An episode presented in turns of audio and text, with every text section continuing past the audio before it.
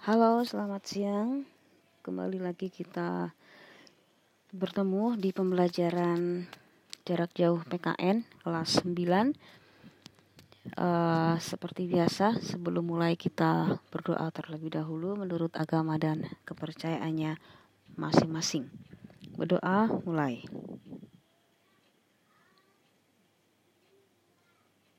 Selesai. Untuk hari ini kita akan memasuki sub materi yang ketiga di bab pertama yang berjudul perwujudan nilai-nilai Pancasila dalam berbagai bidang kehidupan. Sebagai pengantarnya, kita akan ulas sedikit materi dua minggu yang lalu. Sila-sila Pancasila itu merupakan satu kesatuan yang tidak terpisahkan. Artinya masing-masing sila harus dipahami secara utuh, tidak boleh dipisah karena tata urutan Pancasila memiliki makna saling dijiwai dan menjiwai oleh sila sebelum dan sesudahnya. Sehingga tata urutan Pancasila tidak dapat diubah. Jadi misalnya sila pertama itu menjiwai sila ke kedua, sila kedua menjiwai sila ketiga dan seterusnya.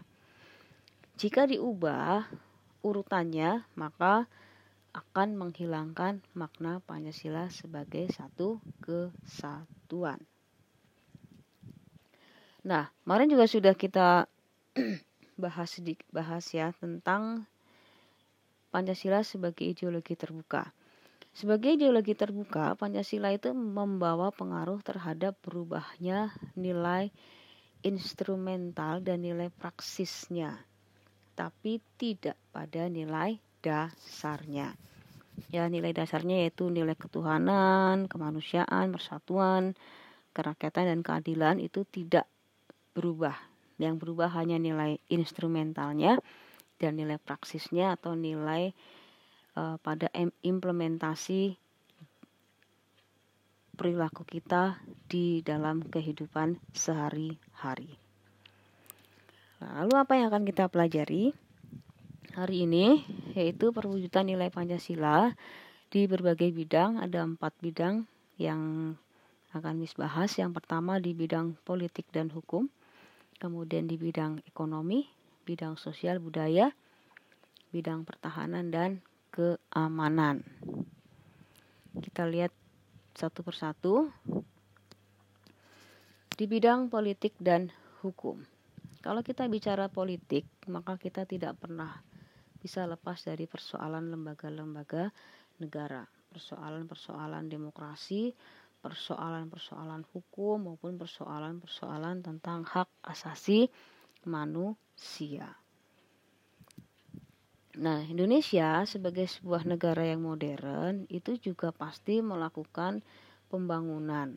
Pembangunan apa yang dilakukan? Salah satu bentuknya adalah pembangunan sistem pemerintahan yang sesuai dengan perkembangan zaman. Karena tidak mungkin Indonesia tidak melakukan penyesuaian diri terhadap perkembangan zaman.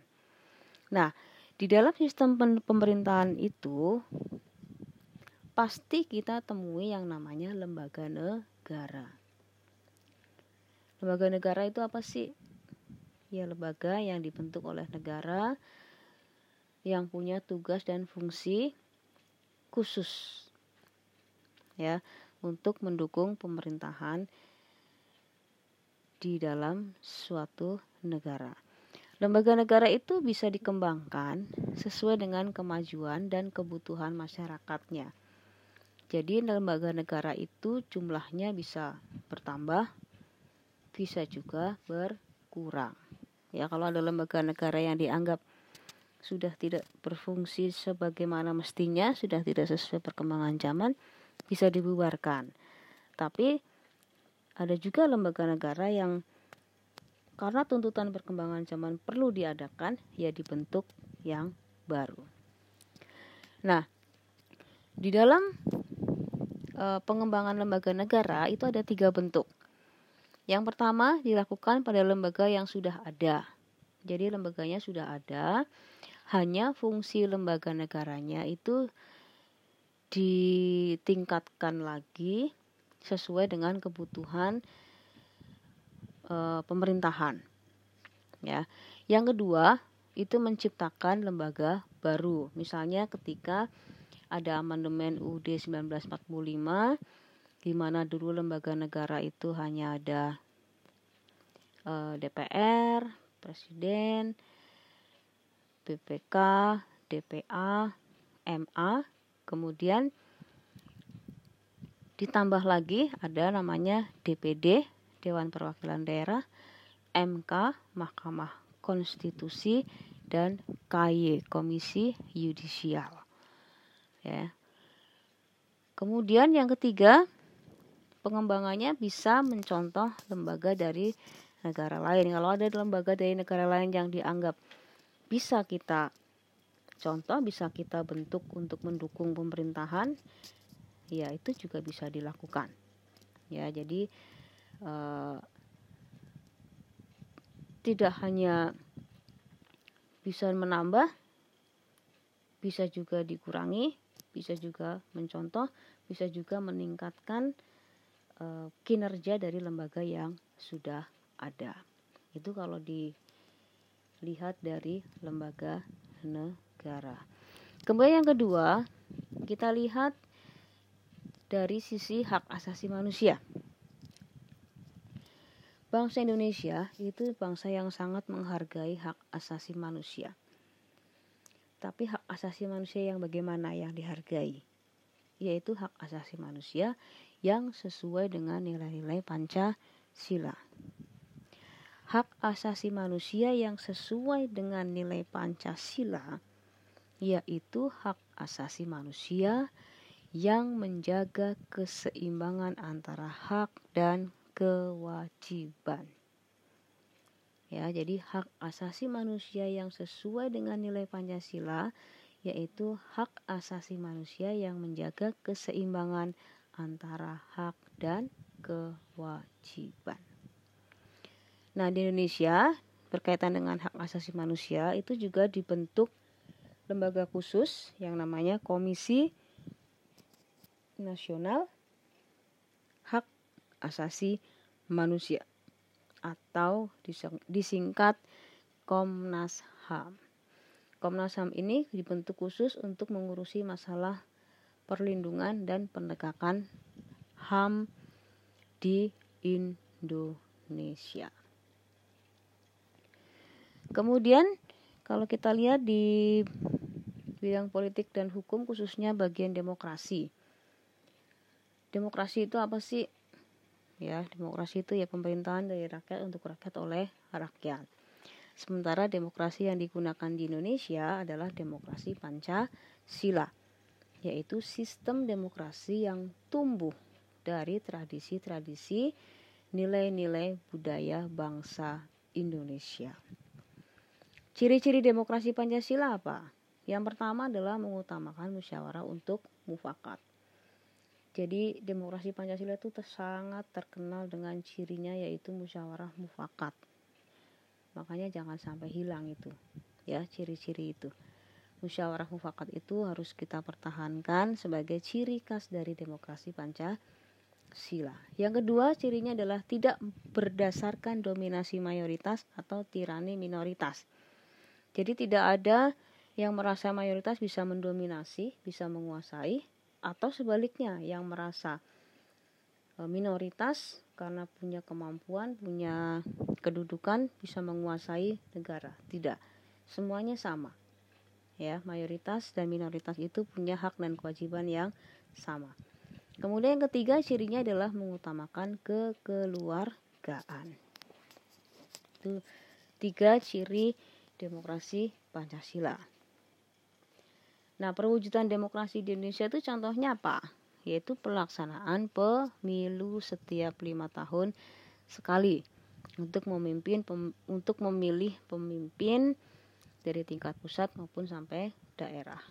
Ya, presiden dan wakilnya, gubernur, bupati, wali kota, ya itu dilakukan dalam pemilu setiap lima tahun sekali. Juga untuk memilih anggota e, perwakilan rakyat DPR, DPRD, dan juga DPD. Ya, itu kalau kita bicara tentang demokrasi. Sekarang bagian hukum. Hukum itu apa sih? Ya. Hukum nasional di Indonesia itu harus berdasarkan nilai-nilai Pancasila. Karena apa? Karena Pancasila adalah sumber dari segala sumber hukum. Peraturan perundang-undangan yang berlaku tidak boleh bertentangan dengan nilai-nilai Pancasila. Lembaga-lembaga hukum di Indonesia juga dibentuk untuk mewujudkan rasa keadilan dalam rangka perlindungan dan penegakan hukum.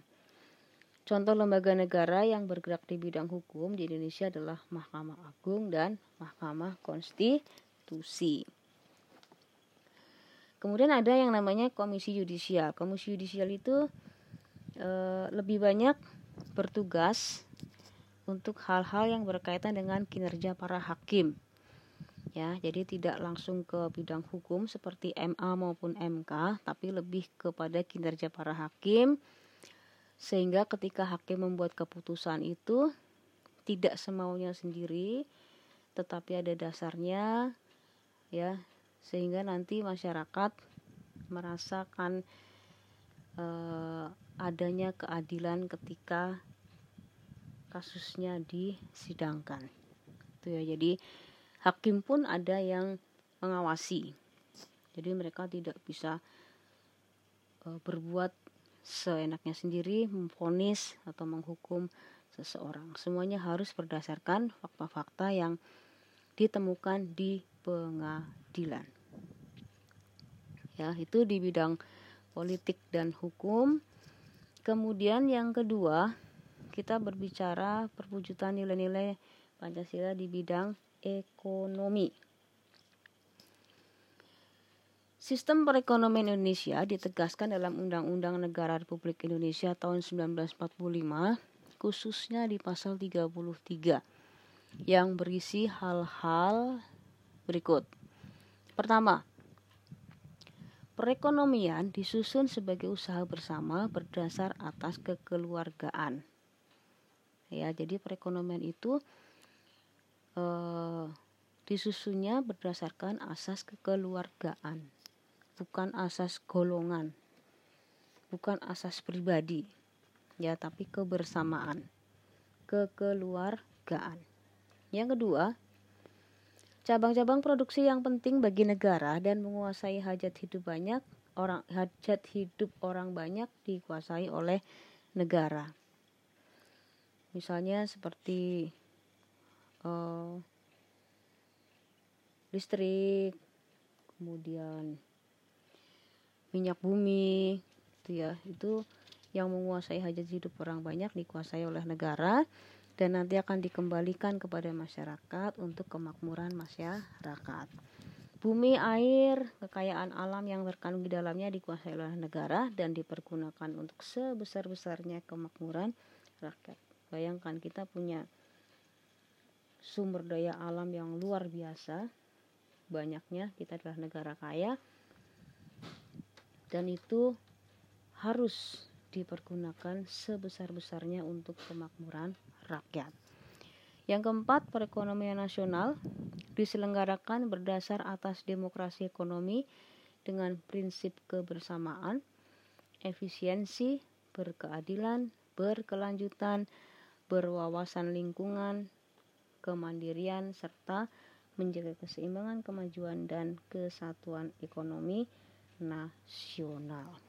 Ya, itu prinsip-prinsip sistem perekonomian di Indonesia di dalam pasal 33 Undang-Undang Dasar 1945. Intinya bahwa perekonomian Indonesia itu di mana di dalamnya ada sumber daya alam yang banyak kemudian dengan sistem-sistem yang mendukungnya tujuan utamanya adalah sebesar-besarnya untuk kemakmuran rakyat. Yang ketiga, itu nilai-nilai Pancasila, perwujudan nilai Pancasila di bidang sosial budaya. sistem nilai sosial budaya yang ada di dalam masyarakat Indonesia itu sudah ada sejak zaman nenek moyang. Ya, jadi sosial budaya kita itu sistemnya sudah ada sejak zaman dulu, sudah dibentuk, sudah terbentuk oleh nenek moyang kita. Nah, apakah sistem nilai itu tetap sama, statis, tidak berubah? Tidak. Ya, sistem nilai itu bisa berubah atau mengalami perubahan. Kenapa itu mengalami perubahan? Karena masyarakat perlu mengembangkan sistem nilai itu supaya lebih maju dan modern. Ya, karena manusia itu tidak ada yang tidak berubah. Kehidupan itu akan selalu mengalami perubahan. Sehingga sistem nilainya pun bisa mengalami perubahan. Tetapi perubahan itu perubahan yang seperti apa? Nah, perubahan yang perlu dilakukan atau dikembangkan atau ditekankan itu bukanlah yang namanya westernisasi atau ke barat-baratan, semuanya ikutin orang barat, semuanya mengikuti budaya barat bukan. Tetapi lebih ke modernisasi, yaitu proses perubahan ke arah yang lebih baik. Ya, jadi kita bukan westernisasi ke barat-baratan, tetapi lebih ke modernisasi. Jadi sistem nilai sosial budaya bangsa Indonesia yang sudah mengakar misalnya musyawarah atau gotong royong atau kekeluargaan itu harus tetap dipelihara dan diwariskan kepada generasi muda. Ya, harus tidak boleh hilang. Tetapi sistem nilai dari luar yang kita anggap baik dan sesuai dengan nilai Pancasila juga perlu kita terima. Supaya apa? Supaya kita bisa berkompetisi dengan negara-negara lain. Misalnya etos kerja, disiplin, apalagi ya, uh, kebersihan, ya itu perlu kita adopsi dari negara lain ya sistem-sistem seperti itu. Jadi uh, sekali lagi di bidang sosial budaya ya nilai-nilai asli bangsa Indonesia yang sudah mengakar harus tetap dipelihara harus diwariskan tapi tidak menutup kemungkinan kita juga diperbolehkan mengadopsi nilai dari luar yang baik yang sesuai dengan nilai Pancasila. Nah, kemudian yang keempat, di bidang pertahanan keamanan.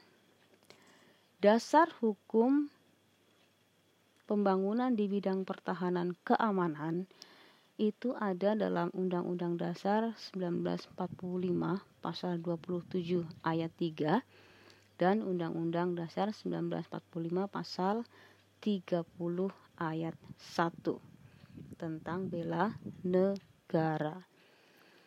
Bentuk partisipasi masyarakat dalam pertahanan keamanan negara itu sudah ada dalam masyarakat. Contohnya, mungkin kalian sering dengar atau orang tua kalian sering ikut yang namanya Siskamling, Sistem Keamanan Lingkungan atau Ronda. Ya, itu juga sudah ada sejak zaman dulu.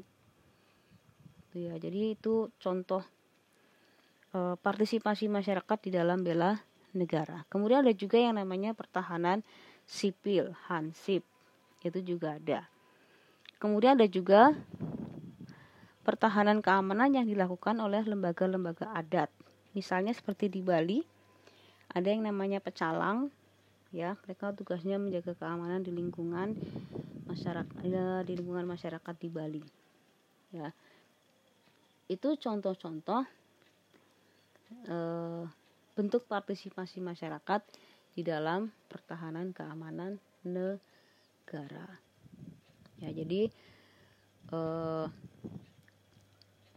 perwujudan nilainya, perwujudan nilai-nilai Pancasilanya bisa kita lihat dari berbagai bidang yang dari bidang politik dan hukum, kemudian bidang ekonomi, sosial budaya, dan pertahanan keamanan. Sebagai penutup dari kesim, dari uraian tersebut, tentang perwujudan nilai-nilai dalam berbagai bidang, bisa kita simpulkan bahwa Pancasila benar-benar sebagai ideologi terbuka yang tetap mempertahankan nilai-nilai dasarnya, tetapi terbuka terhadap perkembangan zaman sesuai dengan kebutuhan masyarakat. Nah, tugas kita sebagai generasi muda adalah mempertahankan Pancasila sebagai dasar negara dan menghayati serta mengamalkan nilai-nilai Pancasila dalam kehidupan sehari-hari.